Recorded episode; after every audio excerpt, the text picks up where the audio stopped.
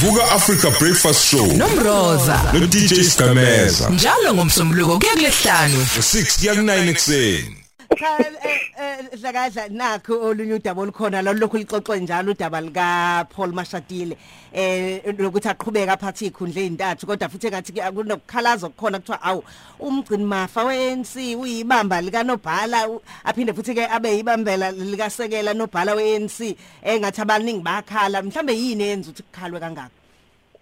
No izathu senza ukuthi kukhalwe iz- ziningi eqinisweni kodwa nje ngathi izathu kuzona ezibalekile la. Okokuqala ukuthi babheke ukuthi ngabe umthetho sisekelo weqembu ulandelwe yini ngoba ngokusho kwabanye babaphathi beANC noma baku-NEC bathi ngokulawula komthetho sisekelo weqembu uma ngabe kuthiwa unobhala akekho lapha umuntu okuyena ofanele abambe kwesikhashana usihlalo. Okusho ukuthi ke kungaba ubaba ugwede mantashe.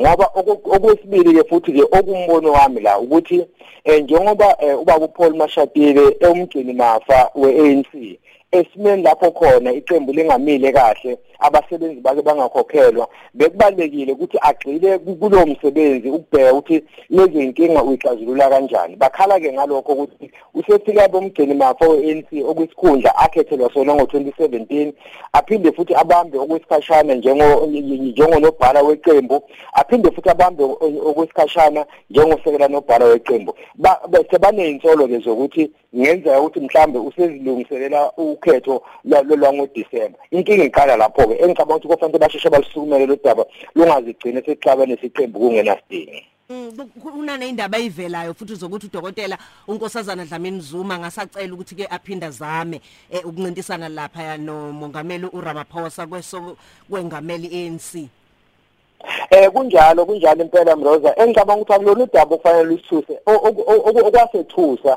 ukuthi eh, ab- abanye babaholi beqembu behluleka ukuthi balandele imigomo yeqembu ngoba kuyaye kuthiwe phela qala nimthule kuze kuba ukuthi i-NEC ye-ANC isiyanivumela ithena yaqala ke ngicagula amagama abantu. Siyazi ukuthi kusukela ngoJanuary 8 statement obaba uStanley Mathabatha base beqalile vele besho ukuthi hawu mengameli okhona akaqhubeke. Kwaba oRa- oRonald Lamola kwaba oPaul Mashatile kwaba oMbalula bathi hayi bafuna upresident abuye kwaba uOscar Mabuyane. Okusho ukuthi khona lokungabuseki kahle noma lokungaphatheki kahle kwabaholi.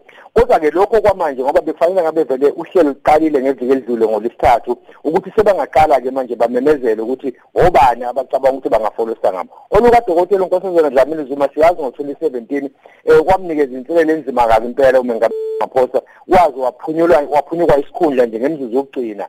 Ngesikhathi eh, impumalanga iqhamukana lento eyayibiza nge-unity vote kwagcina ke lona esekhala ngaphansi. Kodwa ngalokho ikhampeni yakhe wayibambe ngendlela. Okusho ukuthi bengabuyela manje asebenzele kulokho akwenza ngo2017 unalo ithuba. U- okunye futhi kunesinqumo senkantolo yaseKapa sithi waba nephutha eh, umongameli eh, ubaba uRamaphosa ngokumisa ke umkhwebane emsebenzini. Sifundani ke ngalolu daba nokulandela nje komthetho sisekelo wezwe? Ngicabanga ukuthi ke kulokho Mroza nesigqemeza kuyofanele ukuthi ninginikeze umsebenzi wesikhashana ukuthi ngibonise abameli ngoba ngathi khona abangakwazi kahle.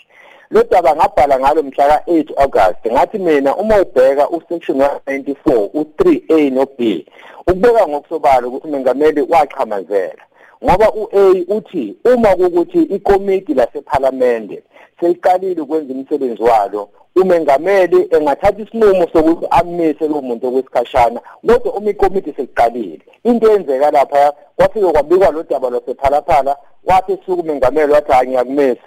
Wamesa ulona ubuso mkhobane okusho ukuthi awulandelwanga umthetho sisekelo usection 194 3A eh kwaba iphutha lokho ke nakho ke futhi kamuva kuthi uma ngabe inkantolo yase Western Cape i- i- isivumelana nalento engangishilo ukuthi akuhambanga kahle emahoreni ambalwa kwathiwa hayi akeze ukubeka esikhundleni sakhe eh ubusisiwe mkhobana ngoba udaba seluyise enkantolo yomthetho sisekelo okusho ukuthi ke vele ngokulandela komthetho sisekelo kunjalo okuthanda ukuxaka nokuxaka uJulius Malema ukuthi kwenzeke kanjani izinto bese zishesha ngalendlela uma kufanele kuvinjwe umvikelo omphakathi ukuthi abuyele ovisini lakhe. Yileyo nto ke ngicabanga ukuthi mhlambe abantu bazobe bekhuluma ngayo iviki lonke ukuthi eh kusho ukuthi khona lapho umthetho oshesha khona khona lapho uhamba kancane khona. Ukuthi bekwenzeka kanjani lokho? Hayi angitholakalanga ukuphendula dadewethu nawe nawe mthiya Dlakadla sibonga kakhulu ukuthi ke uthi nje ukusinikeza kancane ukwazi eh, uma sithi ke vuka uqonde kabanzi ngezepolitika siphinde sihlangane futhi ngokuzayo.